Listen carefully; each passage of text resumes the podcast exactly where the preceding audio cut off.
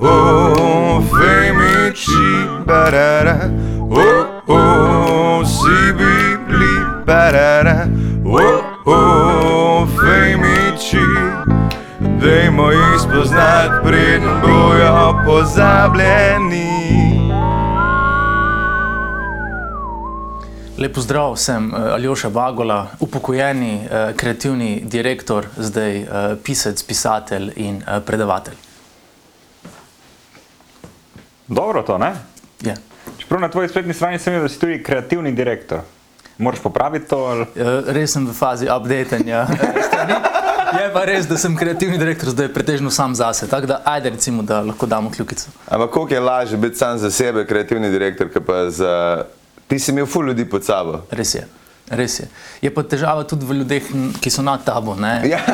Eh, ne mislim tudi v, agenci, v agencijskem smislu, Ja. ampak pač imaš ogromno naročnikov, uh, ogromno ljudi, z katerimi moraš znati nekako uskladiti ta pričakovanja, ki so okoli kreativnosti, saj veste, kakšna. ne. Kako si lahko handle to, da, ti, da veš, da je dobra ideja, pa je morat malo čez rob, pa ti naročnik reče, to se nam šle uh -huh. in pol imaš, ki pač v tem oglaševalskem svetu ponovadi pride, da vsake leto je nekaj, da ima reči tema, ki gre čez nek trg, trend, ja. nek trend in si ti tako, jaz bi šel mimo, ampak koliko je to frustrajoče.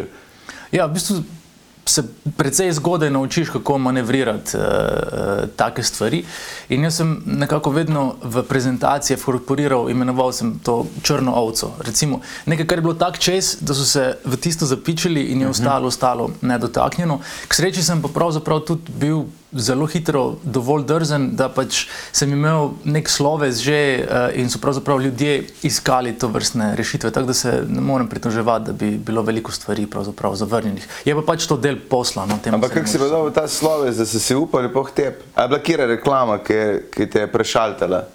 Um, v bistvu je bila ena serija uh, uh, oglasov, pač ne prideš kot mulo in se moraš dokazati. In v bistvu je uh, takrat bilo vem, tiskano oglaševanje, ogromno revije bilo in tega. Uh, pravzaprav zelo navzoče še.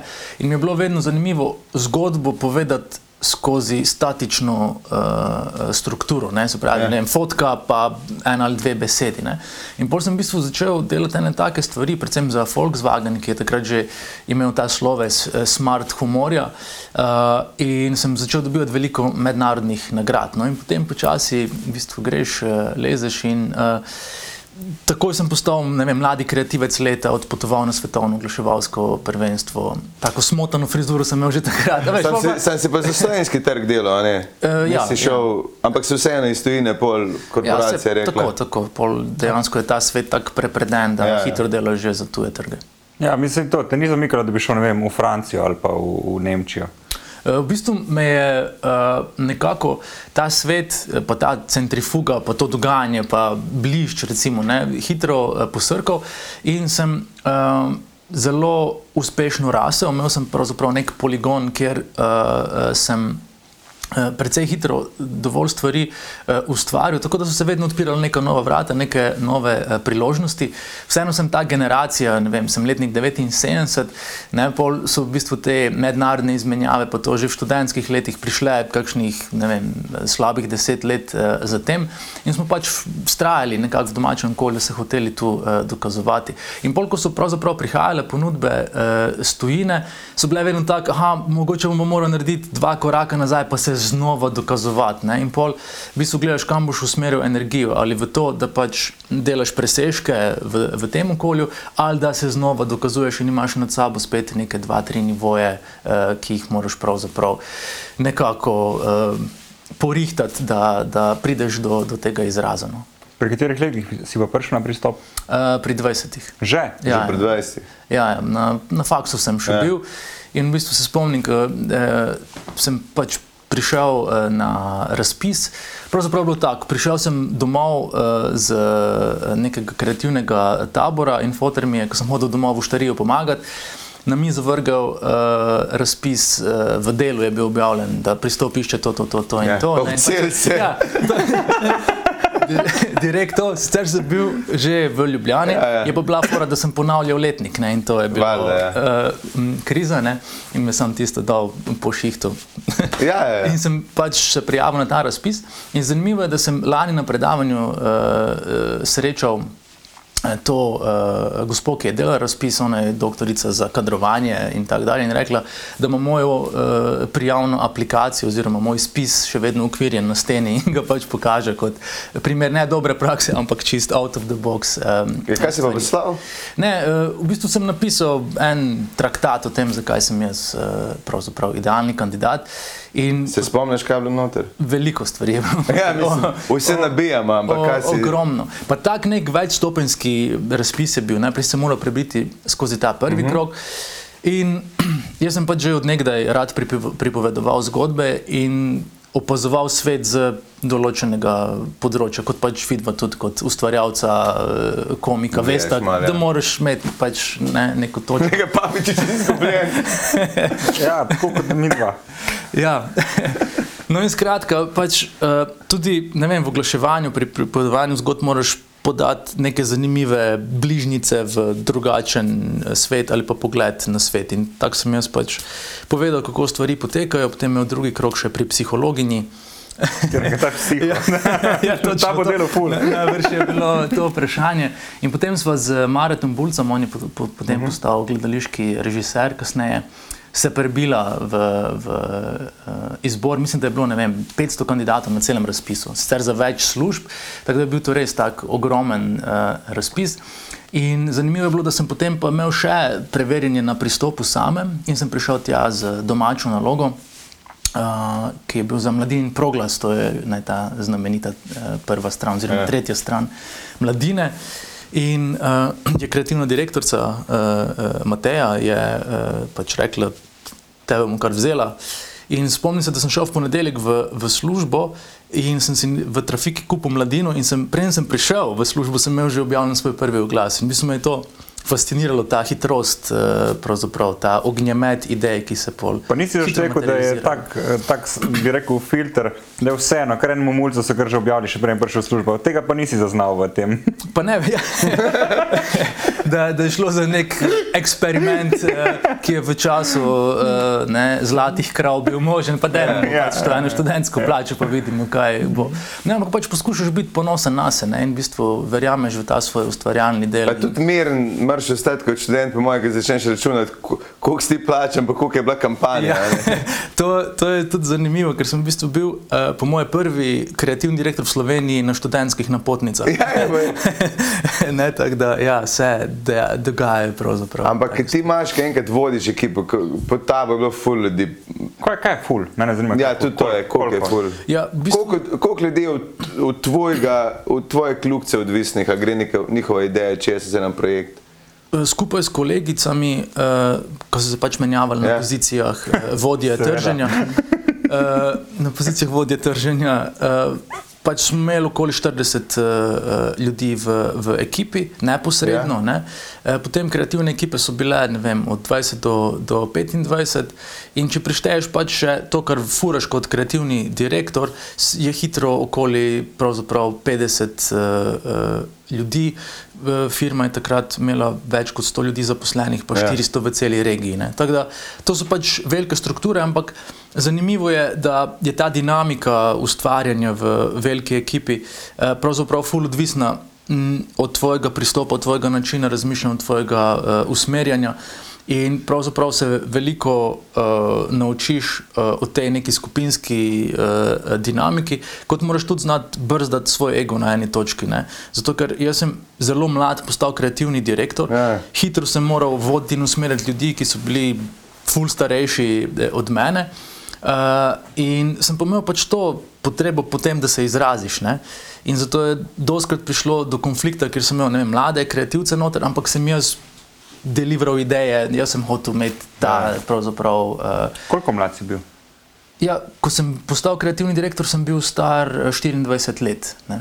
Uh, tako da to je zelo v bistvu, zgodaj Ja. po, po nekih Ker standardih. potem si prišel tudi v lasniško strukturo, ne? če razumem prav. Ja, to pa ker sem- ker veliko kasneje, ampak to se je v bistvu začelo dogajati že prej. Pač obljube o lasničnih strukturah so v podjetjih oziroma v agencijah eh, ponavadi strategija, da nekako obdržiš, Obdržiš ključne človeka, kadre, ja. pa jim pokažeš, da ta smer nekako bo. Ne. je tako pač odvetniške.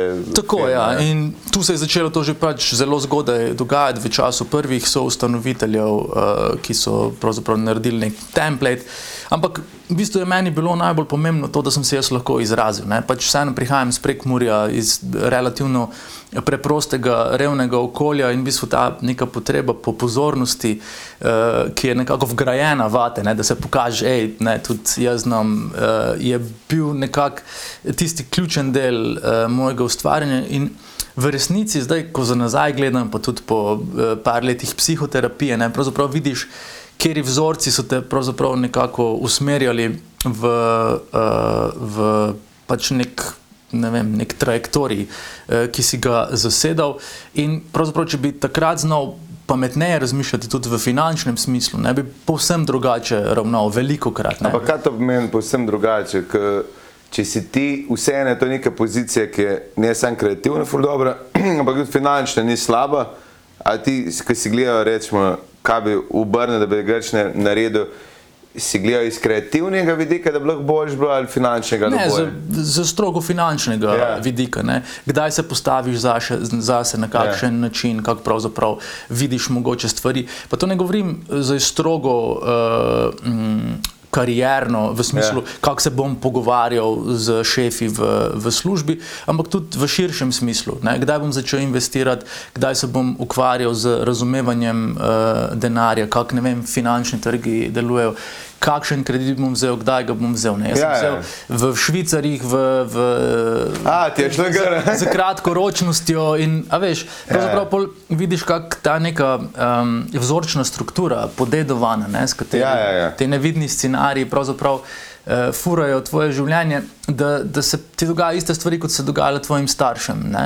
To Moji starši so imeli, ne vem, pač, dajmo zdaj narediti uštarijo, pol je bila neka finančna kriza zaradi ceste, ki so jo prenavljali. Se sposod magnar. Tako, da ja, ja, in pol vi, se zasačiš v isti situaciji, kot si Zasebno, pozval ja. svojega očeta, ki je pač vrsto let bil iz sebe zaradi pač nekih stvari. Ne. In to pravzaprav so ti neki nevidni scenariji, po katerih tako zelo delujemo. Tako da to sem pravzaprav omenil, kako bi celovito k življenju pristopal drugače. Ampak bi se pri tem oropal neke pustolovščine ja, v Ja. resnici. Ne? In tako da pol vedno trguješ uh, z, z nekimi temi stvarmi. Čas pa denar, nekak pa prosti čas. Ja, čeprav takrat, ne, ko si pravzaprav kot mlad ustvarjalec, kot zdaj Ja. ja. vidva, To! Imaš pač full te neke energije, pa, Ja. ja. pa zagona uh, in uh, želiš pač se dokazati, želiš uh, nekaj uh, ustvariti in so pravzaprav te simbolne nagrade ti takrat full bolj pomembne. Ne. In jaz sem že iz uštarije navaden trdega dela, pa šihtov, ki so pač 16 ur brez vprašanja. ne. Ja. In zato mi nikoli ni bilo uh, tako zelo uh, pomembno. In agencija je fajn, ker imaš res veliko crazy, fajn, uh, the best ljudi in se te neke prijateljske vezi stkejo. In imaš feeling, da pravzaprav ne potrebuješ zdaj še ločeno nekega. uh, Plus kar podobno je gostilni, na ure so podobne. Ja, pa... to, točno to. Ja. Ja. Pa tudi v bistvu neka struktura pričakovanj. Ne? Uh, jaz sem vedno pravil, da je v gostilni um, ta situacija. Dr. Jekyll, Mr. Hyde, ne? Ja. ampak je ravno obratna. Ker ko gosti pridejo, so lačni, hočejo takoj dobiti sitni, in ne, dokler niso siti, so sitni. Uh, in moraš znati pravzaprav tudi diplomatsko postopati, psihološko. kako Zdaj, ne vem, mi smo imeli kapaciteto 240 uh, Wow, velik oseb. sistem, Ja. ja. Uh, in pač družina je delala z ne vem, kakšnim natakarjem, pa z kakšnim kuharjem. ne. Tako da smo morali res uh, tako vsi biti vpreženi in to zahteva ful visoko stopnjo prenašanja stresa, odgovornosti in tako dalje. Tako da v bistvu iz tega prideš zelo opremljen za tudi agencijski svet, kjer je isto hiter, uh, stvari so pomembne, uh, želje so kapriciozne in tako dalje. No. Tako da uh, je zelo prekrivajoče se in pravzaprav mi sploh, ko gledam za nazaj, ni nenavadno, da sem iz oštarije prišel v Ja. ja. nekaj takega. No. Plus zgodbe ti ostanejo. Ja, Ker to- ni to pa, ni pa boljših zgodb, če si v gostilni. Absolutno, ja, absolutno. Pravzaprav pač če si nek ne vem, opazovalec življenja, ne, uh, kar se je pravzaprav pri meni zgodilo zaradi poklica mojih staršev, ki pač nista imela za ogromno časa se ukvarjati Ja, ja. z otroki. In pol pač tam ždiš in gledaš pač ljudi, ki prihajajo, zgodbe, ki jih um, govorijo. In hitro ugotoviš, da je zgodba pravzaprav ful pomembna valuta v življenju. Ne, ne zdaj za neposredno trgovanje, "O, zdaj bom pa kreativc, pa bom prodajal ali štose ali oglase ali, ali kaj takšnega. Ampak pravzaprav ti vedno da nek smisel. In Zdi se mi, da je sodobni svet zelo oropan v bistvu kakovostnih zgodb, ker so nas družbena omrežja prisilila v neko trivializacijo tega formata. Ne? Zdaj pač odpreš uh, časovnico, imaš tam gor your story ne? in pol pač objavimo, kako psa peljemo na sprehod ali pa kaj smo jedli za zajtrk ali pa zdaj smo pa tu. In to ni zgodba, ne? to je pravzaprav nek trenutek v, v, v dnevu. In se mi zdi, da mladi ne razumejo pravzaprav to, da ima zgodba neko strukturo, ki ti pravzaprav pomaga, da vključiš neko svoje čustvo, nek pogled na svet, da, da so stvari zaključene in da je to neka pot, ki jo ti prehodiš in si za to nagrajen. No? To se mi zdi ful pomembno. Ne se pač oba dobro veste, ne moreš povedati, fore, hej, zdaj sem pa v mesnici. Ne, ker pač se noben ne bo smejal, ne, razen če pač kontekst Ja. temu namenjen. ne. Ok, jaz imam ful vprašanj. Uh, zdaj, prvo, tu kot je fotor rupno delo, zanimivo, da kaj, misliš, da te je hotel uh, dati proč od gostilne? Pa Da ni bilo že- kao pridi domov delati, boš delal, zdaj si fejlu eno leto, zdaj si pač doma garal.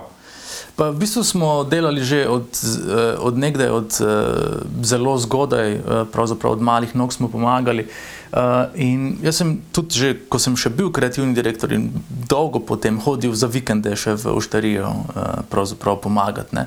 Tako da je v bistvu mi dal jasno vedeti, glej pač, ne, dovolj si star, zrihtaj si te stvari, ne, ker pač znamo povedati, ve, veste, koliko vi mene stanete, ne, vsem trem.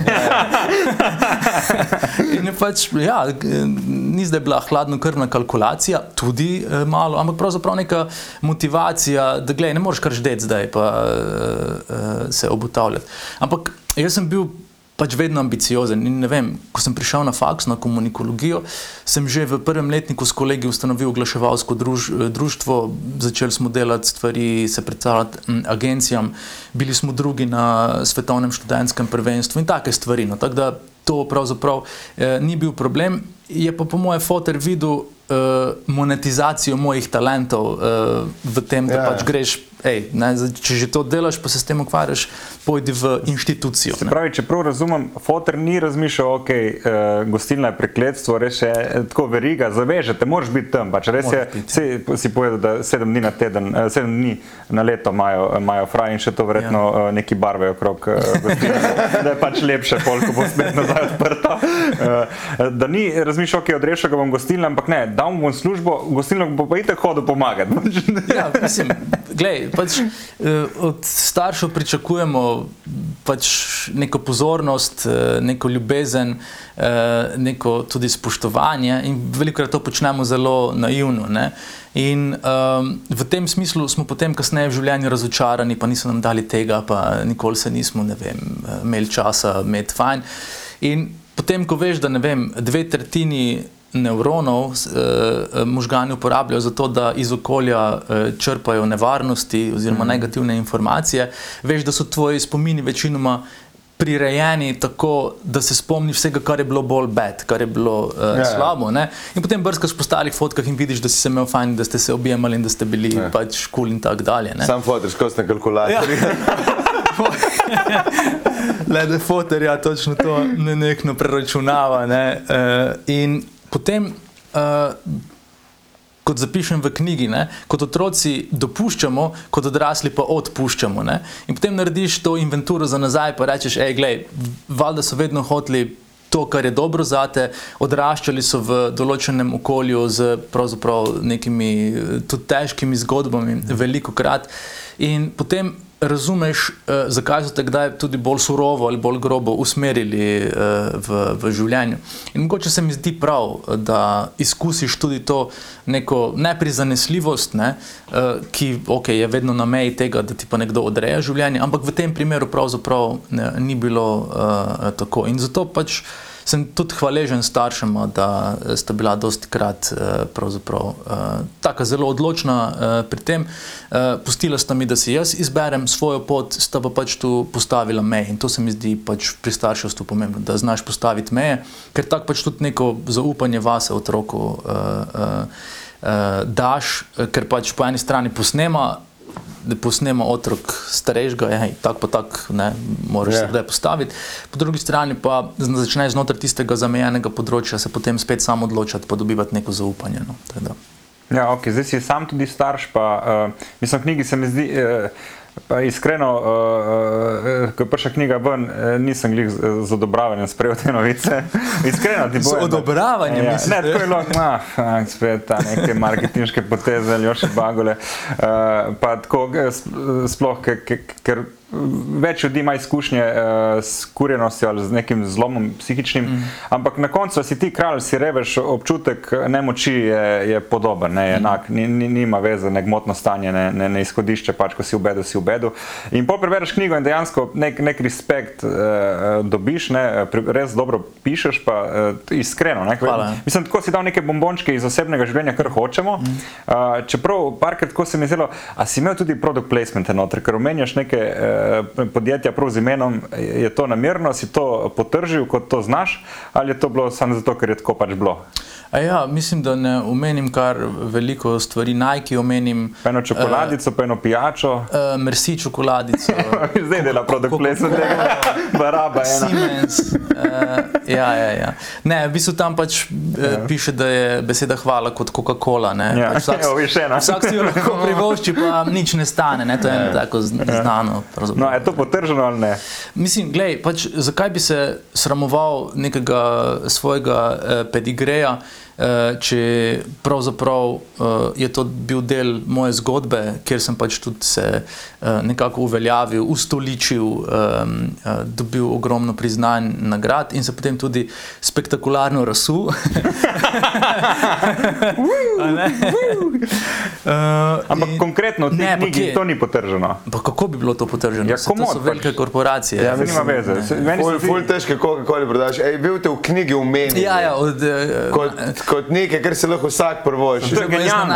To je genialno. Veste, jaz sem pomenil vaš uh, slogan. Ja, glej, veš kaj, ker enkrat mi je ena, sicer, uh, uh, ena gospodična rekla v gostini, lej, uh, svoje travme moraš zapisati, pa pa dobro prodati. In klej se mi zdi to, to genialno po eni strani. Ampak... Pa ni bila moja sestra v gostini ne, naši. Ne, ne, ne, ne, ne, po mojem, da ne. Upam, da ne. Ne, ne, ne, ne vem. Ne vem, ne vem. Uh, v bistvu, uh, ker imam dve usporedni zgodbi, uh -huh. ki jo, ki jo uh, imam v glavi. Ena je to, da si. Uh, pač zdaj starš in da si imel nek odnos z očetom in o tem tudi pišeš v knjigi. Me zanima, če si z njim, veš, vse te neke travme ali pa nekaj, kar je bilo v preteklosti predebatiral z njim, mm -hmm. ali ti še kaj vedno leži na duši, ker pač, ko enkrat človeka ni, pač ne moreš se z njim Res pogovarjati. Ne? Mislim, lahko razčistimo to, da se lahko pač človekom pogovarjaš. Pač jaz se s fotorom pogovarjam tako v smislu nekega prebliska, ko se spomnim na njega pa, pa si tako pri sebi rečem, prav imam z njim kakšen dialog. Pol, vem, ko sanjam o, o njem, se me pač to eh, pravzaprav dotakne in čez dan eh, kaj eh, razmišljam o tem. Tako da se mi zdi, da bi tu zdaj fural neko samo prepoved, da potem, ko nekdo umre, pravzaprav ne smeš več imeti nekega odnosa z njim. Um, Brezpotrebno. No. Pa ne v tem smislu, ampak razumem, to, ja. dokler je to pa sem bil, prišel. Ja, ja. To pa sem full vesel, da pravzaprav sva uh, veliko stvari razčistila. In um, ko sem začel z terapijo, mi je terapeutka rekla, ali že pričakujete, da boste kmalo v konfliktu z svojimi starši. pač, ve, kako to gre, ker pač moraš te stvari dati. To je bolj zanimivo, da ti je terapeut pravi to reči. ja. Te ti preperi vnaprej se upravičenje. Ja, ja. Uh, no, in pol je pravzaprav kmalo nekako se ta situacija začela dogajati, odvijati. Um, in um, sta bila oba, in mama in fotor, razumevajoča, in pač to je tudi nekako dajalo, in veliko sta se spraševali o tem, kje sta ga pobiksala, pa tako dalje. Uh, in to nas pač vse čaka, ko smo starši. Uh, je pa v bistvu res, da je mama veliko bolj. Um, umaknjena, ko pride do konfrontacije. In je zanimivo, da je uh, smrt očeta in ta pretres, ki se je zgodil, uh, nekako pomagal otresti se vseh teh oklepov, pa, pa uh, čustvene uh, zaščite, preko katere veliko krat uh, nisem mogel, ne, da bi se iskreno pogovoril, ker je šlo takoj v v vlogo žrtve, joj, pa zakaj pa no, stop to, pa vse sem jaz kriva, pa ne, ne, in tako dalje. Um, in je imela to po smrti, um, to očeta, to posttraumatsko rast, no, kot se pač priljubljeno uh, reče. In zdaj smo se pravzaprav ful zbližala in veliko stvari razčistila. In pravzaprav vidiš, kako je to pomembno. Ne? In tudi vidiš, koliko krat zaradi nekih teh vsebin in neke jeze, ki je pravzaprav uh, resnično občutje tam nekje globoko uh, spodaj, ti pa čutiš to ne vem kot pač neko žalost ali razočaranje ali take stvari. Uh, si pravzaprav tudi zelo uspešen, pa zelo ambiciozen. Zdaj tudi o, o novi knjigi ful razmišljam. Uh, mal... Evo, že prodajes. tako, tako, ja, tako. Uh, Kako ta travma pravzaprav ja. je nek kerozin, ki te pravzaprav poganja. Ne? In tudi, ko gledamo vse te zgodbe velikih ljudi, uh, vizionarjev, samo oklicanih vizionarjev, karkoli že. Hvala, Žan, hvala. Uh, uh, pač lahko vidiš, da je v otroštvu uh, veliko neke vsebine, ki, ki pravzaprav. Ponovadi se dokazuješ, ali fotor, ali mame, nekomu se Absolutno, dokazuješ. Ja. To me ne vedno skrbi. Za sebe? ne, za mene, za mene me skrbi, ampak če mi kdaj stariš, da bo to, da boš. Da izkažeš preveč ljubezni, da tam malih, da porate neambiciozni. To... Menda ne more biti, da pride tega, ampak eh, še vseeno. Imáš to kmečko logiko, da sem pa tam marš ja, reči, na utiratela. Trda ljubezen. Ja, ja. trda ljubezen. To, kar ti je mama rekla, pozabi. Ja, je to. Ja. Tako. E, kaj pa gledaš to, pa jaz, jaz malo iz našega foha gledam, ne vem, kak je pri uglaševalcih, čeprav mi, da smo malo prepleteni z obem poslem, ampak stand-up je generacijske razlike s itek, ampak mi imamo vsake par let prije nova generacija. Ne? Mm -hmm in jih gledam, in je čist druga. Pa tudi ne, ker se z 20-letniki imamo pravka, ti malo več kot drugi. Ampak, ampak ko pride do tega, se mi zdi malo bolj žalostno. Nisem več depresivni, ampak malo bolj. A se spomniš sebe? Ne, se nisem bil star, mi smo ga spije se statistično, manj alkohola, manj uh, seksa, manj se druži, bolj se doma. In a miš, da jaz za naš foh gledam, je malo, malo me skrbi, kaj bo.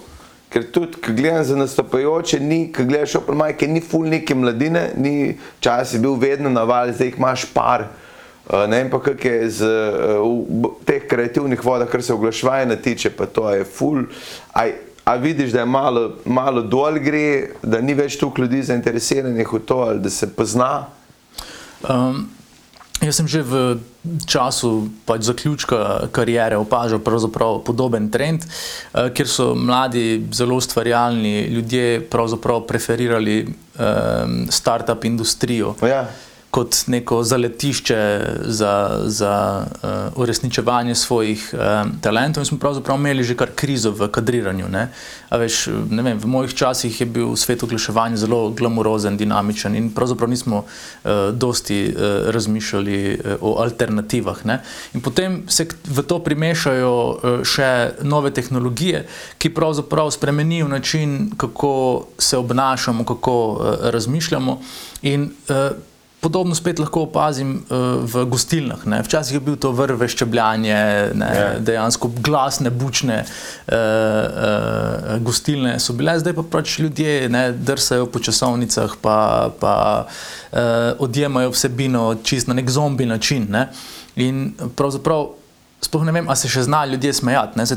Pač, jaz mislim, da se, kar tudi vidim na svojih predavanjih. Yeah. Ne, ja. pač, uh, ko je nek uh, štosen moment, je slišati to osnovno človeško potrebo, da si skupaj in se pravzaprav povezuješ uh, skozi pripovedovanje zgodbe. Ne, to, predavanje pa nastopi se eni redkih trenutkih, ko ljudje nimajo telefona. Tako, roke, ja, ne, tako. v bistvu prisiljeni, da ja, res zgodbo poslušajo. In ta zamenjava generacij pravzaprav vedno najbolj pretrese generacijo pred njimi, torej zdaj ja. nas, ne, ker vidimo, o moj bog, to je nekaj posebno drugega, kaj se bo zgodilo, kaj se bo dogajalo. Ne.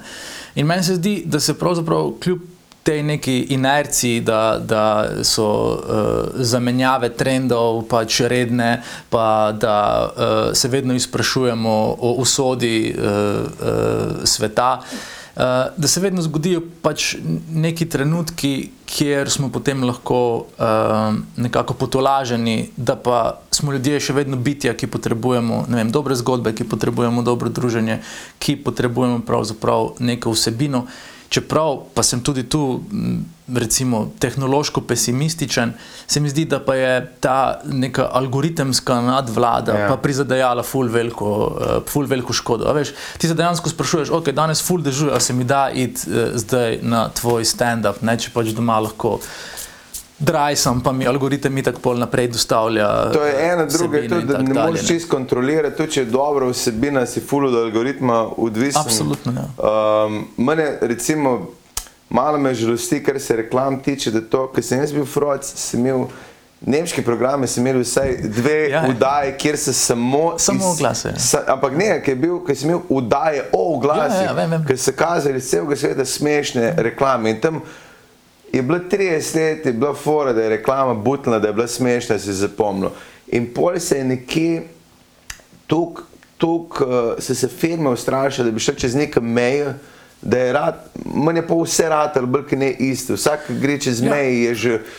Vse se živčne. Udobno je postalo. Ja. Takoj, ko stvari postanejo udobje, eh, udobne, pravzaprav imamo ljudje, čisto po biološki funkciji, tendenco, da ždimo v uh, področju udobja. Ne? In isto se je zgodilo pravzaprav v marketingu. Spravi, firme so dobro poslovale, trgi so bili stabilni. Kaj se bodo zdaj direktori marketinga sekirali uh, v, uh, v smislu, ali bodo šefi uprav težili, da so pa te stvari takšne in drugačne, če pa lahko damo to na trg, pa bodo rezultati super. Ne? In pol se je začela dogajati ta me, mediokrizacija uh, um, vsebine, da imamo pač vem, ja. lepo punčko, zlatega prinašalca, fajn muziko, pa, pa je to to. Ne? In jaz sem se pravzaprav vedno boril proti temu, ker sem želel pripovedovati zgodbe. In super mi je, da je ta pač moja oglaševalska zapuščina res prepredena z temi stvarmi, ki pač so si vedno ali pa vsaj večinoma prizadevali iti dlje ali pa česne. Tako da jaz ja. mislim, da, da tudi vem, ali v stand-upu ali pravzaprav v filmski industriji vedno znova dobimo dokaze, da pravzaprav uh, dobra zgodba potegne ljudi, potegne kritično maso. Je pa pač temu pridružena zdaj še ne vem, volk kultura, cancel culture in je težava pravzaprav ja. biti pogumen, ker boš tako. Ker boš nastradal in vedno ja. bo nekdo nastradal še s tabo in se ljudje bojijo, vse pri televiziji je isto. Če daš neko vdaj, ki jo vzameš iz tujine, pa rečeš, to ni delovalo, lahko rečeš, ja, ampak v tujini je delovalo, no ben letel. Ne? Res je, res je. Jaz sem, um, na začetku kariere uh, dobil eno idejo uh, za TV oglase in sem jih uh, predstavil kolegu, ki je imel produkcijsko hišo. In so jih z njegovim montažerjem naredili čez vikend, potem sem jih šel prodati uh, uh, Radio Center, ker je bil bivši kolega uh, tudi v agencijskih vodah. In se mi zdelo tako dobro, da so predvajali to na MTV Adria takrat. Uh mhm. -huh. In ti oglasi so bili na to predvajani v BBC-jevi oddaji o najboljših, najbolj smešnih svetovnih oglasih. Ja. In v bistvu govorim o tem, ne, uh, o tem, da imaš neko idejo, ki je čist intimna, ki je čist tvoja, in potem imaš pravzaprav s pomočjo tehnologije možnosti, da hitro postane zelo večja od tega. Ne? In to me je fasciniralo takrat, pa ni bilo tako enostavno, kot je to dan danes narediti. Danes je pa mogoče obratno. Imáš idejo, ki je ful dobro, veš, čutiš, da, da je izvrstna, ampak da pravzaprav poplava vse te uh, vsebine, pa, pa uh, mogočnost algoritmov. Uh, Ti pove, hej, mogoče se ne trudi, ker itak nima šanse. In tu se mi zdi težava današnjega dne, da je tok preveč vsega, tudi da, da smo pravzaprav izpostavljeni vedno najboljši vsebini, večinoma zelo dobrih ak akterjev. Ne? In recimo, ne vem, če pač imaš mladega, perspektivnega košarkarja. Eh, Ki ga uspeh Luka Dončica ne bodri, ampak ga straši, zato ker je all yeah. Ja. over the place. A veš, si bo pač enega jutra rekel, ah, ne da se mi stati v petih, pet metrih na koš, ker tako nimam šans. Jaz sem malih pri Dončiču, kakšne podgo... Jaz, kadarkoli vidim na poli salama reklama, se sprašujem, kdaj je to pogodbo podpisal. Ker ne vem, če se ga lahko še prvo še. Ja, mislim, so pač pametno Pa, podpisali. po mojem, za deset let podpisali, ja. velika roka, pa velika salama. Ja, ja. Mi smo takrat, um, ko smo delali za Itak, uh, Killer se podpisal uh, za nastop, naš uh, event Ja. ja. uh, tim, uh, pa ekipa. Pol pa imeli uh, globalni superhit in uh, postali do koncerta globalno uspešen bend. ne. Tako da pač imaš včasih res srečo pri, pri kakšnem timingu. ne. Tako Da, uh, pač, mogoče je pa Luka polifan. Ko, jaz sem to podpisal, ko vas imam rad. Ja. ne Ja, naredi korak nazaj zaradi vonja. Step back. Uh, Aljoša, uh, spomnim se, po mojem, da je ene deset let nazaj sem vodil nek PR teater, uh -huh. kjer si bil ti uh, na, v bistvu, uh, imela sta dvoboj z Artnakom. Z Miho. Ja? Uh -huh. Uh, ali je bila okrogla miza? Sk- Skratka, vi dva sta se bolj strinjala en z drugim, kot polk je bila okrogla miza, ker je bil dejanski dvoboj. Uh, Ja, biti. Ja. In se mi zdi, da imaš zmeraj to neko, neko uh, dialektiko, kjer v bistvu v fohu, kjer delaš, uh, jo vseeno obsojaš, pa, pa kao pljuvaš noter, ker si zdaj znotraj tega konteksta. In si zelo kritičen ne, do, do oglaševanja, in kao iščeš več, ampak hkrati pa tudi moraš že le daj smeti. ne. Uh, in, mislim, zdaj, ne, ne, Razumem, ja. Ker pri oglaševanju in pri televiziji je full enih kompromisov, pač, mm -hmm. ker jih moraš. Meni se zdi, da pač kreativni direktor je ta, ki te mlade kreativce, ki so na ne vem čem, uh, vseeno vleče malo nazaj, eh, ne pa da je ta kreativni direktor, ker si ti najbolj kreativen od vseh. A nisi ti ta, ki si filter? Um, ni še to moje vprašanje, pridemo do tja. Um, da, v tem konfliktu, no, kot ti, kot ti uspeva um, biti ti še zmeraj, no, ti ne pade en filter čez tebe in si, se ti zdi, da si pol tudi v privatnem življenju malo zadušen. Ali ne, ne vem, to je samo kot moje notranje razmišljanje, malo opazovanje zunaj, to zdaj pa ti veš, kako je tebi notrne. Pričakujte, da se boste s svojimi starši kmalo skregali.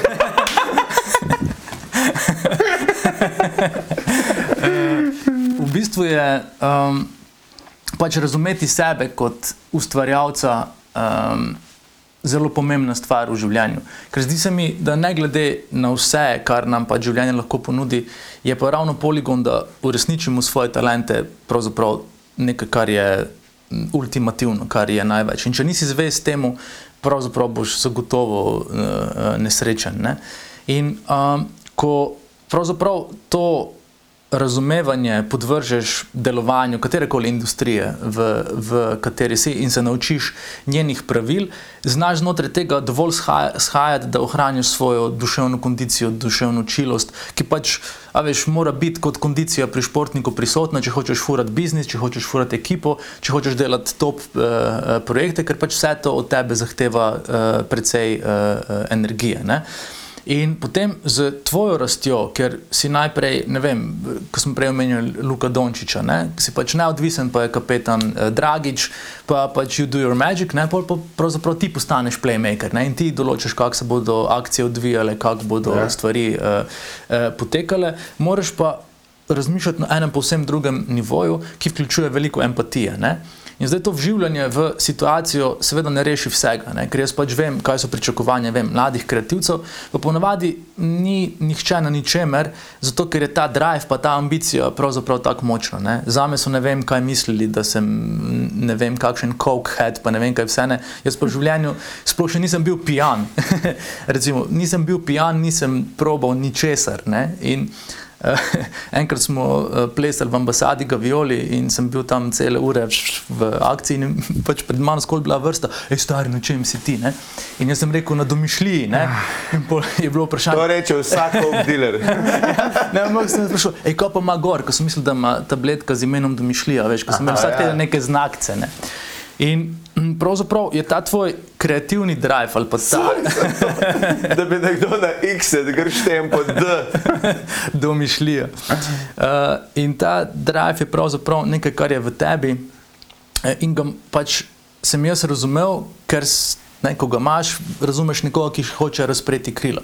Potem pa začnem kalkulirati. Ok, imam deset projektov, trije so največji na, na trgu v tem uh, trenutku. Uh, doma imam ženo, ki je gledališka igralka, ki je ob večerjih ni, imam uh, otroka. imam pa mladega kreativca, ki hoče 20 svojih idej realizirati. Jaz pa vem, da je moja ful dobra, da bo zagotovila ful nagrad, pa ful tržnega uspeha. Kako zdaj s tem kalkuliram, oziroma kako naj tu pač njega zadovoljim, usmerjam in tako tak dalje. ne. Tako da pač odmerek frustracije bo vedno prisoten in to mora vzeti za kup vsak, ki vodi ekipo, kot pravzaprav tisti, ki obtiči na koncu z, z temi občutji. Ne. In zagotavljati pravzaprav neko področje rasti v ekipi je ful, ful, ful težka mm. stvar, če si tudi ti sam ful dober. Si, ja, ampak pač tako je. Jaz sem bil pač ful dober in veliko ljudi, ki sem jih potem vzgajal, eh, eh, sem jim pač bil vzornik. Ne?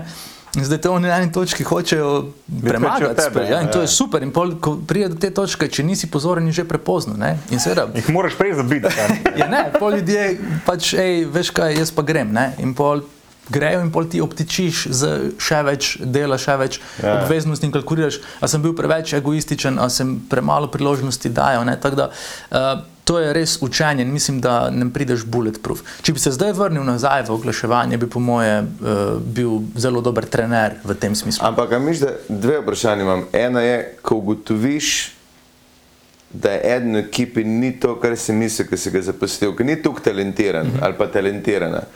Kako nalepne, ali si sploh na lep način, ko oglaševalski uh, slang ni vedno najbolj, mislim, To je predal pomočniku. Ne, ja, si, to, si bil ti ta model, ki je rekel, je sorry, pubec, uh, te ideje, da si jih prinesel 25, tega jih je bilo uh, vseh 25 za nič, ne vem, če lahko nadaljujemo. No?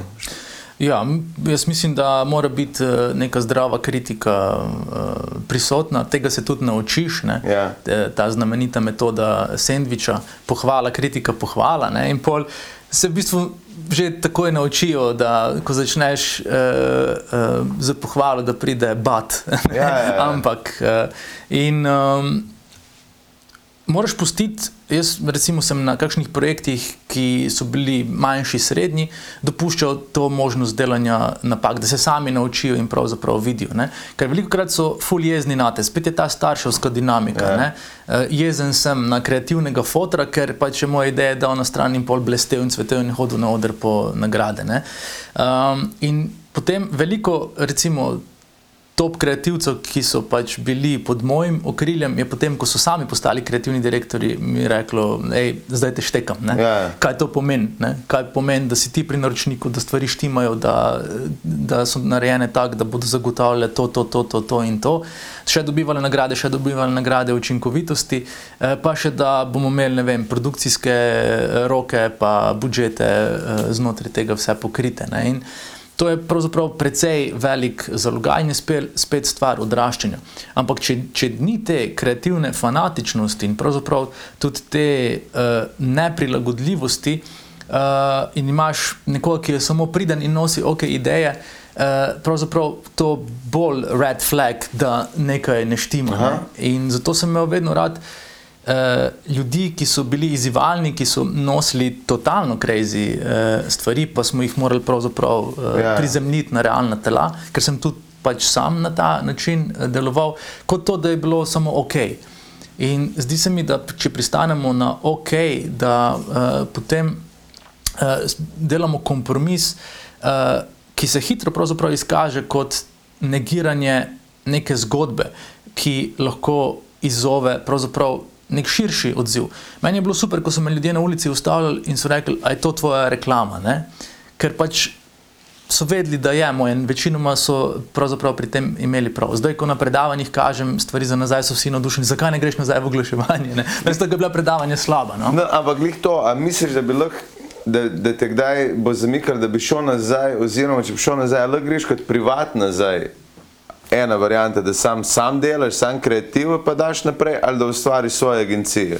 Ker moč imaš, po mojem, redki, ki bi jih lahko ustanovil. Ja, ampak nimam pa več eh, Želje. volje in, Ja. in želje, ne? ker pač uh, so uh, neke stvari, ki sem jih predelal, presegal, uh, nekako obravnavam jih kot del moje poti. Um, Na točki, kjer pač mora biti, da so tam, da, da uh, sem hvaležen za nje. Uh, je pa res, da zdaj po pač okrevanju, ki je zdaj že dobrih pet let po, po izgorelosti, čutim veliko več te suverenosti, ker telo je full v tem posttraumatskem stresnem sindromu. Ne? In jaz, ko sem prišel nazaj po, po izgorelosti, sem se moral zaklepati v pisarno, ko sem se mi tako roke tresle, ko sem dobil brief ne? in tako so mi solze tekle po licu dol. Prej sem bil Michael Jordan, da je mi žogo. Ja. In zato pravzaprav je telo uh, inštrument, ki rabi to. Uh, Da, da pravzaprav si spet dovoliš razmišljati uh, o tem. Tako da zdaj imam full idej, pa si jih zapišem. Ta pogled, ki mi ga je dal papi. Ne, ne jaz sem tak, takoj, ki si rekel, da se ti tele solze tekle, nisem tega iz glave dobil, da ti ne da ne jokaš tle, ampak da ti tle pridejo ven. Ja, ja mogoče kreativci, ne. Mislim, ne, ampak Solze mi krijo. Get on it. Ja, ampak se mi zdi pač pomembno biti iskren do tega, uh, pa tudi do silovitosti. Veš, ko si prej omenil, da si izhajal iz predpostavke pa domneve. Ja. Bagole si je zmislil, da se mu je nekaj bobo zgodilo, on ki pač je tam ful neki, ne vem, frajer. Ma ne, ne, da si zmislil, sam izhodišče, veš, pa- ampak pol, Razumem, ne, ja. pa sej. Um, zato v tem, v tem smislu sem zvest zdaj občutenjem, ki jih v tem trenutku imam. Ful mi je fajn predavati, imam ful dobrih idej in si jih zapišem in jih pač imam kot case narejene in mogoče kdaj, če bo koga zanimalo, Ja. kot si rekel, ta prvi scenarij, eh, spuži privatnik, evo, imam te ideje, če koga zanima na, na tej ravni. Ker, u, u, u, sorry, samo upam, jaz recimo ful uživam v teh reklamah od privatnikov. Ker zih opaziš te plakate, ki so ob Ja, ja. cesti, za ograje ali pa za gretje, je vedno ena Toplotne bejba. črpalke. Toplotna črpalka, bejba v tangicah, meni ne tebe več, ampak to pa imamo Ja, ja. metle. Ja. To je naj, najboljši marketing, ko vidiš kombi, imamo okna in tudi ta bejba je zraven brez Ja. razloga. Ja, res je. Res je. Uh, ja, tu pač eh, je kako. Ve, kdo kupuje. No? Ne, to si sami naredijo večino. To že, ampak ve, kdo kupuje uh, toplotne črpalke. Ja, no. aha, to misliš, Ja. poznajo svojo ciljno skupino. Poznajo svojo ciljno Absolut- grupo. Ampak to je osnovno. To je osnova. To je osnovno. ne. Ker mene je, se to moram še, me se enkrat zmeniti, ampak nikoli ne prijemam do tega. En je iz Dolenske, ki me že par let prosi, da bi naredil, uh, on prodaja greznice Aha. in on hoče moj fac. je. Zanimiva asociacija, nikoli ne bi pomislil. Ja, nikoli ne bi. In njegov, on je sam rekel, ti moraš sam na cikrete sedeti, to je vse, kar rabimo. In je rekel, ti si ta faca, je rekel, ponujali se mi druge. Se je rekel, zrnec, ne. To, Ker je tako on res, on je šel spat in je rekel, ta model bo prodajal drek. Tok dreka, To- kot ga pa ti Ja. sproduciraš, to, pa, to pa sam mi odstranimo. ne. Exactly, ja, exactly. Sorry, res ne prekinus, da. Uh, ja, ve, več stvari sem hotel, sam zdaj bi se kar na knjigo. Ja, to, no, ker, ker si glih malo uh, navrgu, uh, da, da gremo do konca. Um, verjetno sem povedal, da prideš kot gost v Femiča razen Bergantu. Ja, sem- povedal, da prideš. Jaz se že cel cel smejim, ker si mi dal noter v seznam modela, za katerega ste me prepričevali, da je nek basist, pa ne vem kaj. In jaz sem googlil vse in ni bilo nobenih podatkov, sem rekel, spet bomo imeli enega bizarota. Brez priprav- digital footprinta. Ja, ja, ja, Ja, tak, dejansko. super. Okay. En model, ki bo prišel na daj, ki ga noben, ki ga mu bo niti všeč, ne bo mogel najti. Uh, ja, in valjda je full obsojanja, iskreno, uh, veš, zakaj se je ta model lotil uh, knjigo o izgorelosti, ker je izgorel za presežke, ne za golo preživetje, ne, kot recimo, ne vem, si predstavljam nek delavc v neki trgovini, kjer fila policija ali Ja, pa ja, ja. na polno dela. In pol sem rekel, si prebral knjigo, ne, to sploh ne grem brati, moraš prvo prebrati, ker je res dobro, mislim, dobiš ta notranji pogled, pa razumeš, pa če si vsaj malo ta uh, kulturni relativist, razumeš lahko, ne? ampak hkrati bi se rekel, ena delavka najbrž niti nima časa, niti znanja, niti te žilice, da bi to zapisala, se pravi, on je pač dovolj kultiviran, da je to lahko spravil v knjigo in če pomaga samo enemu, je že dovolj. Ne? Se pravi, iz tega stališča ti je pač to uspelo. Ne? Mislim, na začetku mi je bil ta odziv pravzaprav uh, neke vrste, mm, pa ne šok, ampak me je malo prizadelo, no? mm. da, s- ker so začeli ljudje izpostavljati uh, mojo domnevno privilegiranost, brez da bi šli čez svoje uh, domneve, da bi poznali mojo zgodbo. okolje, z katerega prihajam, ki je pravzaprav kmečko okolje, prihajam z dveh kmetij. Moja mama je imela izgorelost pri 20-ih in uh, pravzaprav uh, je zgodba, ko si jo dovoliš uh, pogledati uh, neobremenjeno. Uh, v osnovi tudi zgodba za preživetje, ker pač to so osnovni vzorci, ki so vzorci veliko slovenskih družin, ki se pač morajo ukvarjati z, uh, z tem, kako bodo zmogli iz uh, dneva v dan, iz, iz meseca uh, v mesec. Razumem pa, da pravzaprav. Uh, Status, ki sem ga imel, ali pa dosežki, ki, ki sem jih uh, uh, dosegal, uh, pri marsikomu ustvarili sliko nekega nadutega, uh, prenapetega uh, dokazovalca, in to ni bilo poistovetljivo. Ne? In zato pravzaprav. Uh, Zgodbe vedno naredijo to, kar sem govoril na začetku. Ne? Nek uh, skupni imenovalec za ljudi, kjer, kjer se lahko srečamo uh, ne samo na sredini, ampak se prav srečamo kot ljudje, ki nas povezuje nekaj veliko več, kot so vem, politično prepričanje, kot so uh, okolje, iz katerega uh, izhajamo. In zato je ravno osvoboditev teh svojih predpostavk, ker ti misliš, da svet pravzaprav uh, je vem, uh, točno takšen, kot ga ti vidiš, in od, uh, na tem sploh ni milimetra uh, odstopanja. Ko greš čez to, si pravzaprav full ball. Uh, osvobojen in pripravljen, da uh, razumeš stvari uh, na način, da ti lahko pomagajo. In pri meni je bilo isto, ne? koliko krat sem moral iti preko nekih, uh, čez neke domneve, pa predpostavke od drugih uh, ljudi, ki se mi zdeli takšni in drugačni, da sem pravzaprav lahko ugotovil, da s tem. Trošim ogromno svoje energije, da mi gre nekdo na živce. Ne? To, to je v bistvu tako uh, fulpomembna uh, ugotovitev. Uh, v, v življenju. In zdaj nikogar ne obsojam, nikogar pravzaprav ne uh, postavim pred uh, streljni zid v svoji glavi, ta pa nima šanse v, v mojem lifeu. Um, in um, to je pravzaprav sposobnost, ali pa pravzaprav si s tem prijazen do sebe. No? Da, da, kot američani rečejo, daš nekomu benefit of the doubt. Ne? Da mogoče ni takšen, kot si ti misliš, da je. Okay, zdaj imamo seveda ekstremne primere, ker so vem, uh, hardcore politiki, uh, ljudje, ki so res uh, v zelo zanimivem spektru uh, razmišljanja, kjer se pa res ne moreš poistovetiti. Ampak večinoma, v večini primerov so naše zgodbe, naša izhodišča uh, veliko bolj uh, podobna, kot, uh, kot nam pravzaprav to uh, dokazuje tudi vem, vsakdanji svet, pa ta kolektivna halucinacija, v kateri uh, živimo. Pač oglaševanje mora biti glamurozno, podeljevati moramo nagrade, ful moramo biti kul, cool, pa ne vem kaj vse. Ne? V resnici pa pravzaprav je neka bolečina ali pa neka uh, izhodišna točka, uh, z katere prihajamo in si pač to ambicijo prizadevamo udejaniti, zelo podobna kot uh, pri uh, nekom drugem.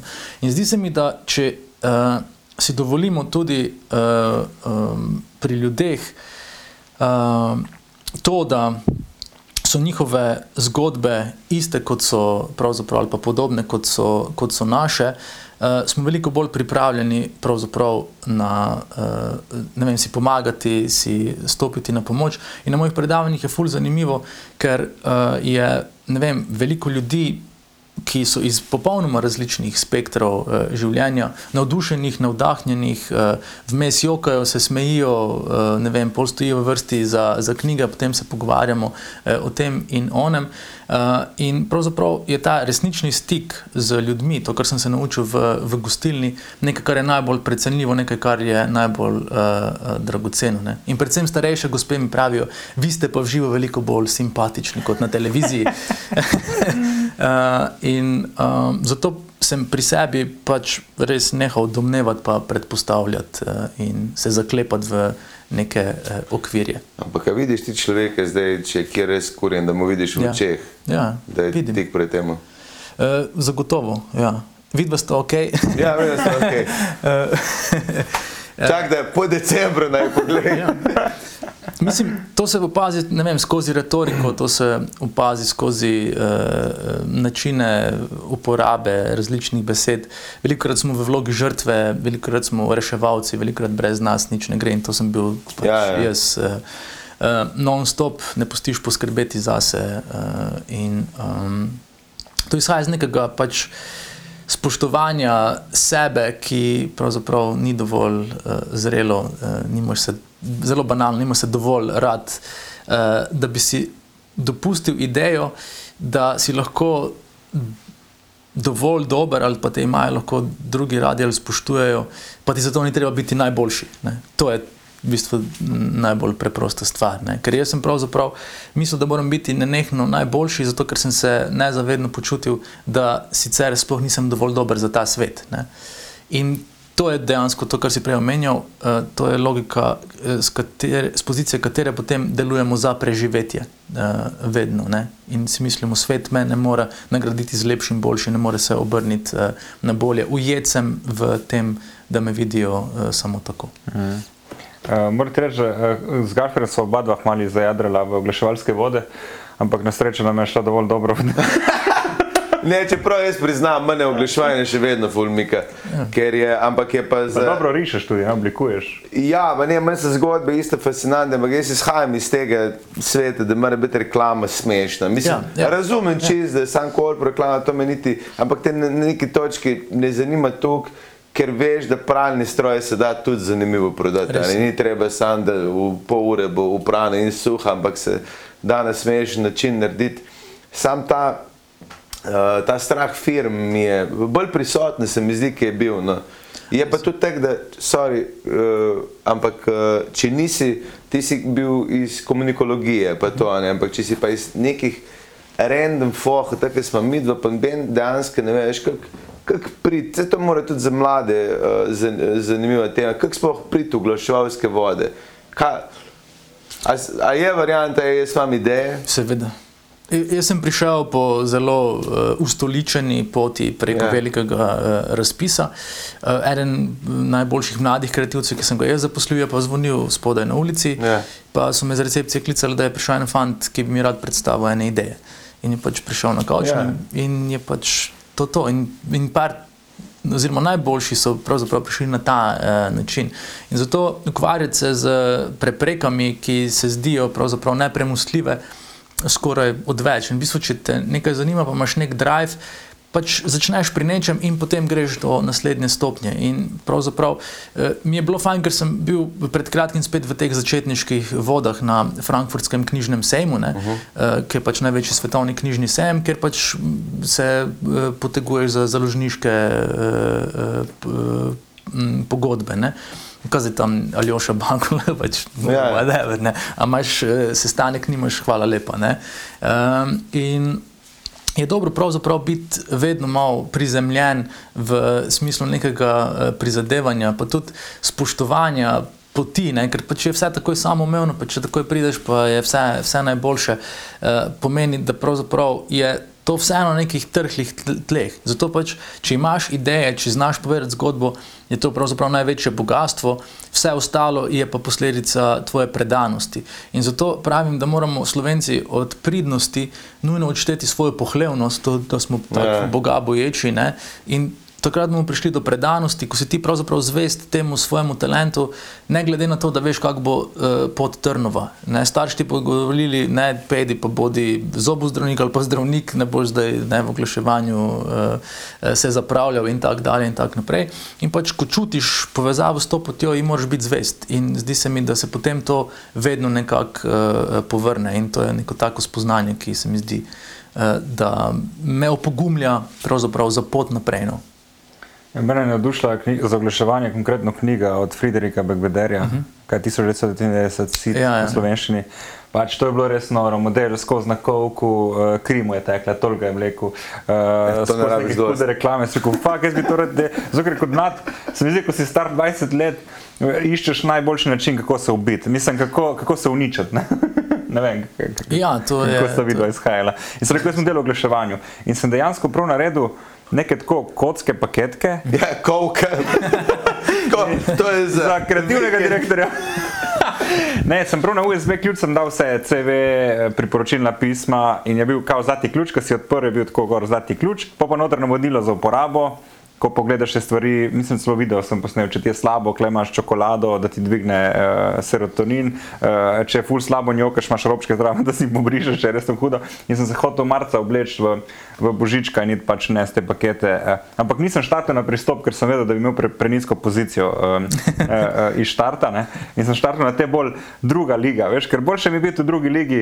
Uh, Najboljše. Ja, kot, Pa rasteš lažje malo. ne. Ja, ker se mi zdi, da v pristopu, če prideš kot mlad kreativc, sploh pa če ne prideš z 20 leti, ampak da prideš s 27, recimo, da, da, da si že delno izdelan pa na neki poti, uh, imaš premalo časa, da bi dejansko um, se razvil ali pa imel možnost, ne? ker so drugi že dlje časa tam. Pa. Veš, kaj je bila meni pač super izkušnja z prav veliko industrijo? Je to, da v bistvu uh, ideje, ki jih imaš, uh, zasijajo na popolnoma drugačni ravni in delujejo na popolnoma drugačnem uh, nivoju. In zato se mi zdi pač v tem smislu prva liga vedno. Nekaj, kar si je dobro uh, prizadevati. In če ti pač ne, ne uspe takoj se ujeti, imaš vedno možnosti, da pravzaprav najdeš neko kulturo ali pa neko okolje, ki ti, ki ti bolj uh, odgovarja. Tako da, Ampak si ti kot na pristopu, ko si videl dobre kreativce na manjših agencijah, jih povlekel na pristop. Absolutno, No, ja, saj veš. na to sem štartil. Ja, seveda, seveda. Ja, ja. okay, razumem, Ne, razumem. je pa zanimivo, ker oglaševalski, oglaševalski svet ima uh, one tipične, vsake drug firm, na vsaki te tretji firmi najdeš unga karikaturo oglaševalca. Ja. Sončne špegle, slabo vreme, on ima sončne špegle gor v sobi, čeprav je noter pa temno. In un, jaz, jaz en model je, ki je bil prav lik, ki se enkrat imel prav, ki zdaj, kaj je vse on obljubljal. Jaz sem se mu začel smejati, ki je bil tako, ki je bilo manj, bilo, Ja, ja. ti se ne zavedaš, da ti si un, če bi nekdo rekel, nariš oglaševalca, si to ti. Aha. In je- Stereotip, Stereotip ja. je bil. In, in se to imaš v vsaki industriji, ampak pri oglaševalcih še posebej to velja, mislim, bomo rekli, v, v nekem vi- razširjenem pojmu, da je uno male koke. Jaz sem bil na sofu, kako sem jaz na sofu prišel, to je druga zgodba. Ampak jaz sem bil tukaj, recimo, jaz sem bil tukaj uh, željan, da delam tudi uh, neke reklame, pa to, da sem se prišversil na sof. Uh, ampak za pesnico vse, ampak na sofu je mene, ful mi je bilo zabavno iz vidika komedije, ker je bil največji hvalespev drug drugemu, kar sem kdaj videl. Ker je bilo pravno. Ti si dober, mi smo dobri. Ja, dajmo skupaj, še ne vse. In točno veš, da To misliš na odru? Uh, Ne, ne, ne, pol, pol. Mislim, tak- saj takrat je bilo v uni družbi, ki sem jaz bil, niso se mogli prehvaliti. Mm. -hmm. Tvoj projekt, stari. Moj projekt, ne, tvoj projekt. Je bilo tako, a lahko si najdete eno sobo, prosim. Ja, ja, ja. Ker je bilo že res, je bilo v redu, je, razumem, da je. Ampak mislim, se, da nekaj mire najbrž mora biti, ker drugače, če ti, če ti noben ne pohvali projekte, si na eni točki, zakaj to sploh delam. So oglaševalci zato izumili festivale, da si pravzaprav lahko pohvalijo Pa da daš- projekte, da dajo kredibilnost svojemu poslu. Ne? To Zdaj, smo malo, se, se to ima vsak posel, vsak, se tudi imaš za krovce nagrade. Veš, Povsod so. Jaz mislim, da pač te neke cehovske eh, pripadnosti ne smemo zanemarjati. Eh, Zdaj, znotraj tega so pa pač neki psihološki profili razno razni. Ja. Um, in uh, veliko ljudi misli, da mora pač uprizarjati neko šablono oziroma neko pričakovanje nekoga, da, da bo eh, sprejet. Meni se je vedno pač zdelo naravno, ne vem, kako sem se oblačil, kako sem se izrazil. Res? Tudi Kako sem bil včasih nadut pa koki v, v, v, v resnici. Ne? Eh, Pač del ne nekega akta, ampak pač nekako naravno pride, kot da ima ta industrija nek genom, ki se, ali pa vir, Ja, ja, ja. virus, ki se ga naležeš in pač ja. pol to pravzaprav furaš, da lahko bolje sfuraš neke uh, svoje, uh, svoje stvari. Uh, ampak. Glej, rasteš, odrasteš in potem odložiš sončna očala, tudi zvečer. Ja, ampak lahko ti Pač, povem, kdo ja. je bil najbolj zanimiv karakter tistega sofa. En Kelner. Dobro. Je- To je Mislim, to on se je pa znal prodajati in to je mene najbolj razžalosti- razžalostilo tisti večer, ker je model, ki je bil Kelner, dejal, uh, kako se reklamirati bolj kot vsi Ja. modeli tam. Meni je rekel, popoldne je rekel, stari, vidiš to vse? Ja, vse iste zglede. Jaz grem vmes domov in sem oblekel kenguruje. In kdo meš, da v fuko? Jaz. Jaz se ne zabavam, model je čez tri ure prišel kenguruje. Ni imel sobe tam, ampak je bil v vsaki sobi. On je bil posod, vse baby, oh, kenguru, a si maskota, ne, se sam tle za tebe. In se je prodal Na stari. katerem sofu si ti bil tam? To je par let nazaj, po moje šest let nazaj, Kaj sedem. pa je pomenila ta kratica SOF? Sof, Ja. Uh, kaj že, uh, slovenski oglaševalski festival? Aha, mogo, ja, ne, če ni bilo kaj seksualno, ne vem, kaj, veš, si Orientirano fafanje. Da si ti bil enemu drugemu SOF. Ne, ne, bil sem da pravimo sofa. Okay, uh, zdaj praviš, da si ven skreative, ampak si še vedno v strukturi oziroma v postopku izhajanja, si že Ne, izšel, ne, ne, si ne. že to rešil. Ja, jaz sem že. Uh, v bistvu sem uh, izstopil na dan pred karanteno, 13. marca, 14. je pa uh, v bistvu. A je to bil pogoj, ko stopiš v lastniško uh, strukturo, če si kreativc, pa da nisi lastnik že odprej, da ko prenehaš delati, je pogoj, da pač ta delež vrneš. Uh, v bistvu so pač neke pogodbe, ki so, ki so različne, mi smo se pa pač dogovorili, uh, ja. kak in, kako jaz sem sam bil pač ful pomemben uh, člen uh, ekipe, pač en izmed frontrunnerjev uh, agencije in pač tu zdaj ne moreš kar uh, čez noč uh, stvari narediti. Čeprav so občutja v tistem času bila tako silovita v burnoutu, da bi pač takoj rad nehal delati. Ja, pa da, dal sam. Uh, ja, na pohor je uh, živeti v ja. kakšno kočo. Ne. V resnici tak, tako potrebo po umiku imaš. ne. Če bi šel na pohreb, bi imel še en burnout, verjamem. okay, to. Eh, to ne vem. No, tako da, ja, pač, eh, vedno je pomembno, da nekako, uh, vsaj meni, no, da okolje zapustiš v nekih uh, uh, odnosih, ki, ki so ok, uh, ker pač uh, je. Ne vem, to fajn, meni Ja. osebno je to vrednota in mislim, da smo se vsi potrudili, kl- kljub pravzaprav mojemu strmoglavljanju z piedestala. Um, in pač tudi mi je bilo fajn, da sem imel v tem prehodnem obdobju, nekih slabih treh let, pravzaprav možnosti postaviti temelje za, za naprej. Ne. Napisal sem knjigo, začel sem ful intenzivneje predavati. In pol zaprav si pol veliko bolj zaupaš v neko novo pot, ker ni tako simpel mm -hmm. se pri zgodnjih 40-ih pol odločiti za nekaj drugega. Aha, Čeprav je pa ta posel, kjer je? Knjige uh, oziroma založništvo in to nasploh vseeno v primerjavi z oglaševanjem najbrž ful bolj miren. Oziroma bolj, manj je, Ja, seveda, se bom strinjam. rekel, tek v narekovajih bolj pošten.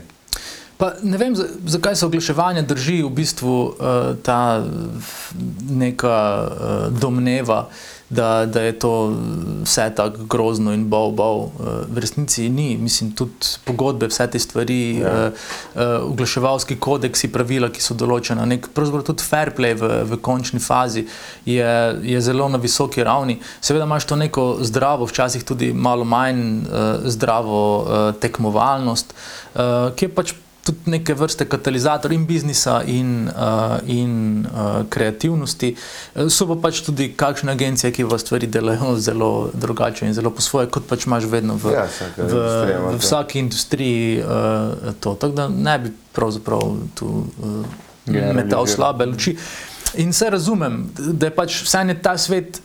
Zelo oddaljen v smislu Ja. tega, kako eh, stvari potekajo, pol se na vsake toliko manifestira svetu z festivali in neko uh, samovšečnostjo in ne vem čem.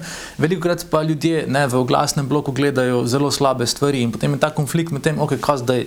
Ne, tam imamo ful neke nagrade, pol tu gledamo uh, uh, stvari, ki so kar neki, dosti krat. Ne. In gojiš pol neko malo zamerjen. Zato bi se vrnil nazaj na tisto, kar si povedal vmes. Da pač moraš. Uh, jaz sem vedno izhajal iz tega, da sem publiko spoštoval uh, tako, da sem jo želel zabavati ali pa pravzaprav nagraditi za neko zgodbo z nekim Ja, ja, spoznanjem. In to se mi zdi ful pomembno. No. In to je pravzaprav uh, obvezno prizadevanje v, v tej branži ali pa tudi v kateri koli komunikacijski branži. Ne. Je doskrat problem. Jaz enkrat dobil stavek uh, od nekoga na eni televiziji, ki je bil tak fucking glup. Delamo, da so vsi glupi. Tak, to je ful težko podelati nek kreativni program, če misliš, da so vsi isti, oziroma da jih boš dobil na isto foru, vse, ko pa delaš iste po reklamah, v oddajah, mora biti, ti iščeš nekaj zanimivega, ker ne sme biti vsem všeč, ker pol ni- generično naredil Ja. in se sam pozabil. Jaz mislim, da moraš uh, vedno iti um, preko uh, na način, da ne odtujiš pravzaprav uh, publike. Dobro, zdaj, veliko krat greš preko, pa veš, da boš vem, 10-20% neke potencijalne publike in si pač znotraj ali si blagovne znamke ali si vem, stand-up uh, artist ali karkoli že, je to tvoja kalkulacija. Ne?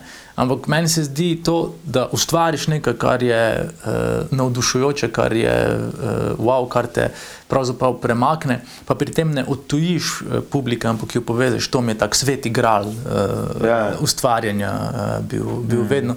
Oziroma, da so ljudje pripravljeni pravzaprav uzreti se v ogledalih, ki si jih pač tudi kot ustvarjalec uh, zavestno ali nezavedno uh, postavil. No? To, zato sem jaz vedno oglaševanje dojemal veliko več kot zgolj tržno komunikacijsko prizadevanje in bil marsikrat zaradi tega, ne vem. Uh, um, obsojan ali pa kaj se pa greš, ne, to je tvoje področje in tako dalje. Tako da eh, moraš ta pogum pa to drznost pravzaprav vedno nekako udejanjati, eh, manifestirati tudi na, na račun, ne vem, razupitosti ali pa kakšnih občasnih klofut. Ne. A si kaj? Ne, mislim, ne fizičnih. Finančnih. Eh, eh, ali pa internetnih, no, tega Ja, to pač, kar vsi vemo. Eh, Uh, predavatelj na FDV-ju? Ne več. Ne več? Ne, Pisatelj? ja. Se pravi, za naprej Aljoša Bagola bo samo pisal, ali kaj, kam boš šel? Eh, Predavam, pišem. To je zdaj. Ja. In imaš kakšne ideje še za naprej, imaš kaj še razmišljaš o tem? Uh, ja, zdaj pač uh, je uh, angliška knjiga, uh, pol angliški tečaj, se pravi mednarodni trgi, mednarodno predavateljstvo, zdaj jih grem uh, predavati v mednarodnem jeziku po našem srečanju. Um, in uh, to je zaenkrat to, uh, za prvo petletko. Uh, tako da takrat bom pa 50, no malo manj, uh, pa bom videl, kako uh, za naprej. Ampak uh, bo. Treba Pravi, predavanje in pisanje, no? to zaenkrat. Ne bo nobeno gostinstvo, ne bo nobeno, ne vem, neka industri- ne bo vrnitve nazaj v oglaševanje, ne bo. Ne, ne, po mojem, po moje, da, da ne. E, razen s kakšnimi prebliski, če bo um, kdaj volja za to. Tako da. Eh, Še, sam še kratka. Ta, eh, nikoli te ni zamikalo, da bi šel na televizijo ali kakšno drugo. Uh, Meje. in? E, nisem se še lotil tega, zdaj s tem času prebujanja se mi je zdelo fajn imeti kakšno dobro pogovorno oddajo. To vidva mata. Uh, žal mi je recimo zvezdanine uh, oddaje v tem smislu, ker pač ljudi malo opolnomoči z zgodbami, da se ne počutijo osamljene ali pa ujete v svojo bolečino. To mi je nek tak format, ja. ki mi je dober. Tako da to združil z, z recimo dobrim humorjem, evo, tak hibrid bi imel dober, dobra psihologija, uh, dober humor, to, to se mi zdi fajn uh, Ja. ja. zgodba. Pa bi rabo sodelavce. Ne, Z veseljem, z veseljem. ne sem, eh, gled, v knjigi si tudi rekel, da si pisal pesmice za punce. Uh, uh, Za punce uh, mojih prijateljev. Aha, jaz sem eh, dobil potrditev tudi od ene, ki je To, ja, to, tebe. to, tako to da- tudi, to sploh. In da je ja, bilo v redu, ja? Ja, ja to sploh ni, eh, ni problem. Sem pa ja, pisal za punce od prijateljev, ki so pol pošiljali razglednice z morja. Ja. Tako da mi je bilo super, pred kratkim je en recitiral, friend, eh, ko sem ga srečal na Cankovi, še zdaj jo zna na pamet izpred 20 let, da to, to je Tako da si velika bil čast. original catfish v bistvu. Ja, Cyrano- kaže- Cyrano Cyrano de Bergerac, ja, ja, ja. ja, sem bil skrit v grmu, oni pa na telefonski Ti si govorili. pa sufliral potem. Um, ja. Ja. Ja, uh, hvala, da se lahko snemala v tvoji dnevni sobi. No. Eh, Z veseljem, pridite še, pridite še kdaj. Ne? Ja. Uh, srečno na vseh novih projektih in če je dober budžet. Z največjim veseljem, hvala za povabilo. Thanks. Hvala. Z veseljem. Oh, oh, femiči, barara. Oh, oh, si bibli, barara. Oh, oh, Dajmo jih spoznati, preden bojo pozabljeni.